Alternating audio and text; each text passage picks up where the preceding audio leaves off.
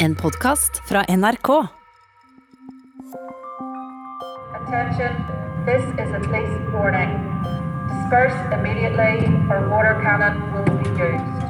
Tenåringer med hettegenser og joggesko kaster murstein og brannbomber i Belfast. De slåss mot politiet, de setter fyr på biler, og de går til angrep på fredsmurene som deler byen i to. Og på den andre sida av muren står andre tenåringer, som ser akkurat likedan ut, og kaster sine egne brannbomber og mursteiner tilbake.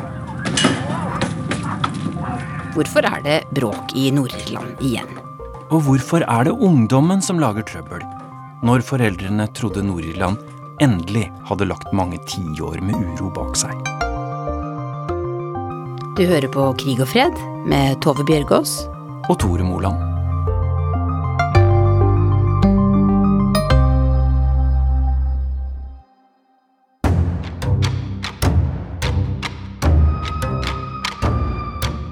Denne uka begynner vi med et spørsmål, Tove. Jepp, hør her. Hei. Ville først bare si takk for en av de beste podkastene jeg vet om. Ser fram til en ny episode hver uke. Hyggelig. Hadde vært interessant med et innslag om økende uroligheter i Nord-Irland. Jeg har lest at det er mange veldig unge som deltar i opprøret nå. Hvilke utfordringer møter de unge i Nord-Irland nå, og hva tenker de egentlig om framtida?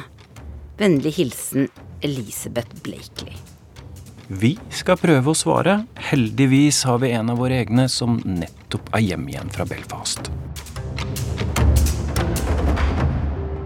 Det var jo et uh, intenst uh, døgn med svært uh, unge voksne, mest ungdom kanskje, gutter helt ned i tolvårsalderen, som gjorde store opptøyer i de dagene jeg var der. De, de, ser akkurat ut som ungdommen gjør i Norge, med dyre boblejakker og hette og fine joggesko, men de tenner på søppelkasser, sleper paller ut i gata, lager svære bål. De har med seg egne kar med bensin som de fyller i flasker og, og kaster på politiet eller sine politiske motstandere. Og så kaster de mursteiner, ikke bare mot oss pressefolk, men eh, også selvfølgelig mot sine motstandere. Og så kommer en del av disse folka her, kanskje brorparten, fra områder som preges av sosial nød og arbeidsledighet, men også med en lang tradisjon for å hate sine politiske motstandere. Jeg er Øyvind Nyborg, som er London-korrespondent for NRK. Hvem er disse ungdommene, Øyvind? Det er denne gangen sånn at opprøret kommer fra de delene av Belfast der folk kjemper for et fortsatt britisk styre, eller de er unionister, som de også kalles. Og de føler nå at deres identitet som britiske er truet pga. brexit, som ble eh, da virkeliggjort etter jul. Ja, hva er det egentlig de protesterer mot? Er brexit noe som på en måte vekker uh, ungdommens uh, trang til å kaste brannbomber og murstein? Nei, det er mange som kjenner miljøet godt i Nord-Irland, og som også sa til meg at uh, det er ikke alle ungdommene her som kjenner storpolitikken så, så godt. Og, men de, de, føler at denne gangen så føler de unionistiske ungdommene at det er den andre siden som eh, vinner. Og, og, da blir de oppfordret av foreldre og også unionistiske foreninger og organisasjoner om å gå ut eh, i gatene og kjempe.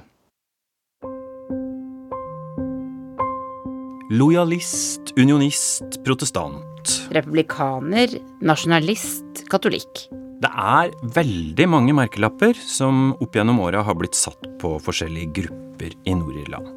Men republikaner eller nasjonalister, det er altså de som ønsker at Nord-Irland skal høre sammen med Irland.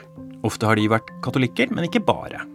Og lojalist eller unionist, det er de som ønsker at Nord-Irland skal fortsette å være en del av Storbritannia. Og i hvert fall fra gammelt av så var de helst protestanter.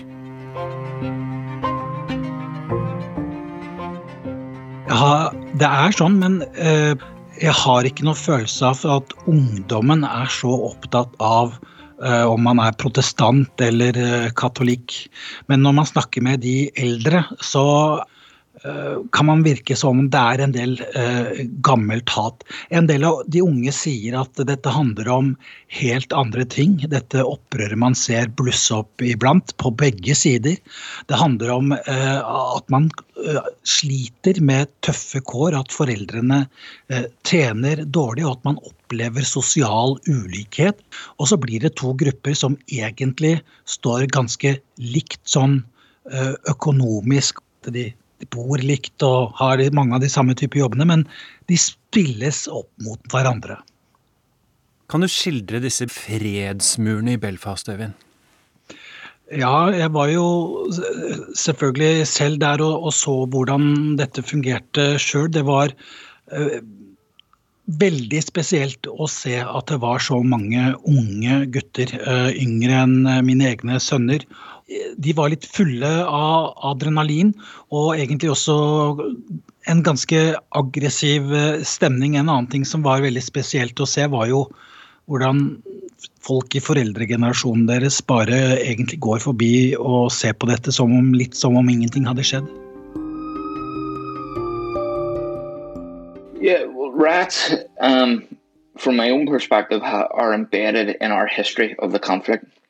It was a, a, mechanism used to elevate your voice. Opptøyer har pleid å være en måte å heve røsten på for de som har følt at de ikke har hatt noen stemme, sier denne veldig irske stemmen fra Belfast.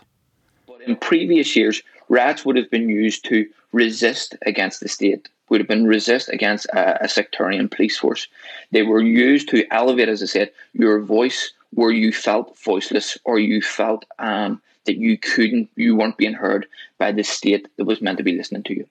And it often is described when these communities of disadvantage often felt like the state had a boot on their neck. Um, it's Misha Croher O'Moody. Um, my name is Croher O'Moody. I, I, live in Belfast here in the north of Ireland uh, from an area called Murphy. Crowhor O'Murray er 29 år gammel.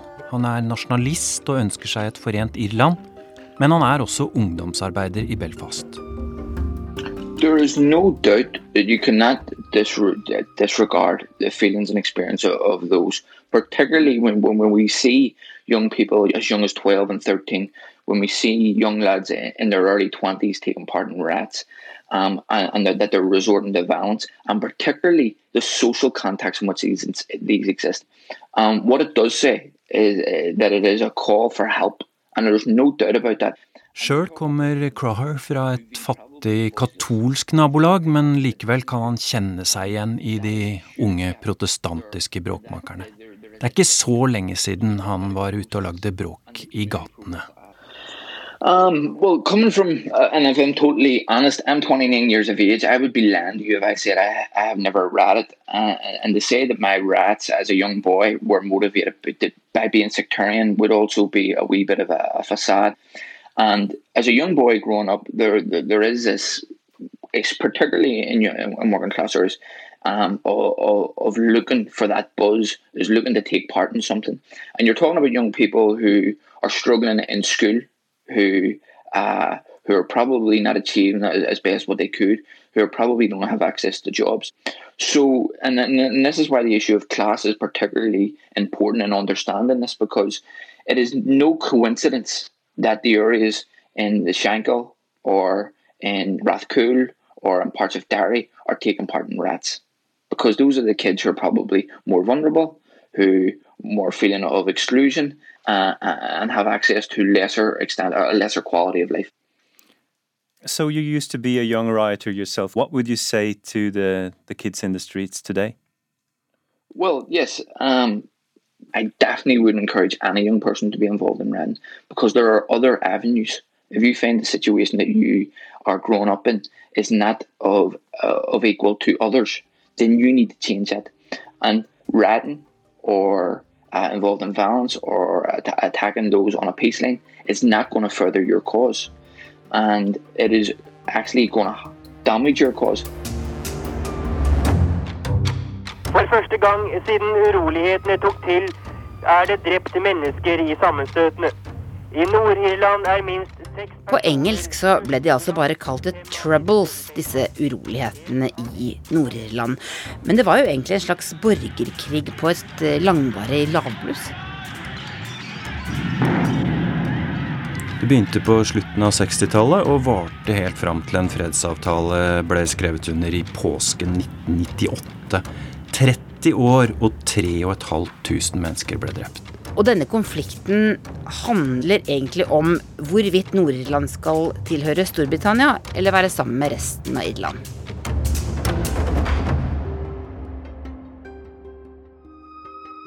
Når var du første gang i Belfast, Anette? Det var eh, 1984. Det var det. Hva gjorde du da? Nei, jeg var, eh, jeg var på reportasjetur for eh, NRK Radio, hvor jeg jobbet eh, da. Jeg hadde en veldig god venn, dessverre ikke blant oss lenger, som eh, het Ola Bauer, som var forfatter. Han hadde vært der mange ganger som journalist. Etter hvert så skrev han også en roman fra Nord-Irland som eh, heter Rosa Penna. Men inspirert av ham, og fascinert av at det var rett rundt hjørnet for oss, så var det altså en slags borgerkrig mellom mennesker som lignet veldig på oss. Jeg heter Anette Groth. Jeg er eh, journalist og forfatter. Har jobbet uh, hele mitt liv nesten i NRK, og i ti av de årene som korrespondent på de britiske øyer. Med et særlig hjerte for det som skjer på den irske øya, kanskje. Absolutt.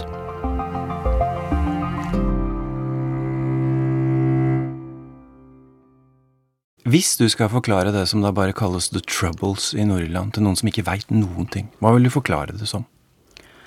Jeg ville vel forklare det som en slags eh, borgerkrig, men det er jo en grunn til at det skjedde. Nord-Irland ble jo delt. Eh, Britene som hadde okkupert denne øya i flere hundre år, de dro jo en strek over øya og lagde eh, den nordirske provinsen i nord. Og så ble det det selvstendige Irland i sør. Og det som var, det var jo at det var etterkommere etter skotske og engelske bønder. Protestanter kaller vi dem ofte fordi de hadde protestantisk religion. De fikk herredømme i eh, Nord-Irland. Og eh, katolikkene, som det var mange av, men som ikke var i flertall, de ble diskriminert på alle mulige måter. Når det gjaldt arbeid, når det gjaldt skole, når det gjaldt økonomi, når det gjaldt alt. Og så gjorde de opprør, og så ble det sammenstøt. Du kan tenke deg ikke store områder dette her geografisk, og alle kjente noen som var involvert. Og det var dette mistilliten og dette hatet som gjorde at det ble 30 år med det som et understatement heter The Troubles. det var jo krig. Vil du da si at dette er eh, gammelt trøbbel som våkner til liv igjen, eller er det nytt trøbbel vi ser i Belfast og andre nordirske byer nå? Det er jo en del av det gamle trøbbelet pga. at det er mistillit.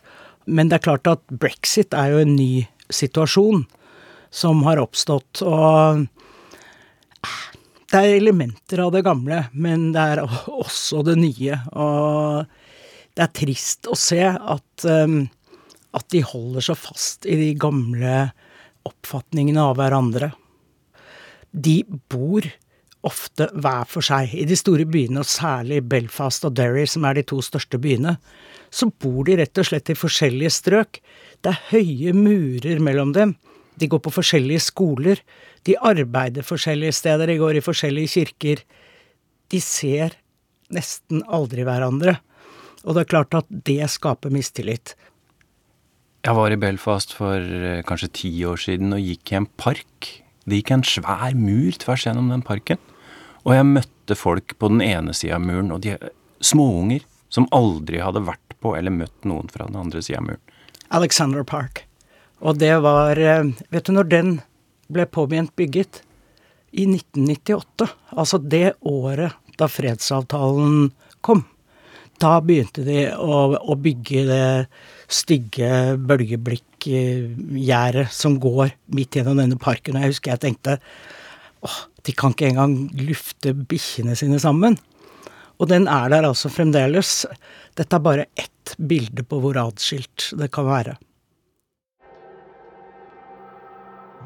Good evening. A historic day at Stormont after two years of talks and after a generation of bloodshed and decades of division and acrimony. George Mitchell I påsken 1998 så kom det en fredsavtale for Nord-Irland. Og fordi den ble undertegnet på langfredag, så blir den ofte bare kalt langfredagsavtalen. Både Irland og Storbritannia hadde vært med på å forhandle fram den avtalen. Those who believe in a united Ireland can make that case now by persuasion, not violence or threats. Og det viktigste den sa, var at alle lovte å bare bruke fredelige metoder for å oppnå sine politiske mål. Og de gruppene som hadde brukt våpen i Nord-Irland, lovte å ødelegge dem. Etterpå fikk de en samlingsregjering der gamle erkefiender satt sammen.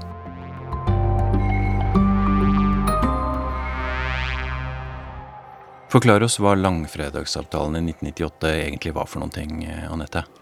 Ja, det var en eh, godt koreografert prosess med mange aktører. Eh, det var jo om å gjøre at alle skulle få litt. Ingen skulle bli veldig fornøyd, men alle skulle få litt.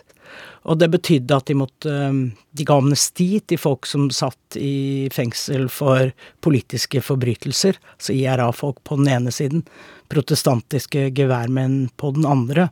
Og det var ganske, det var ganske intenst. Men de fikk det til, og så ble det jo opprettet en nasjonalforsamling for Nord-Irland.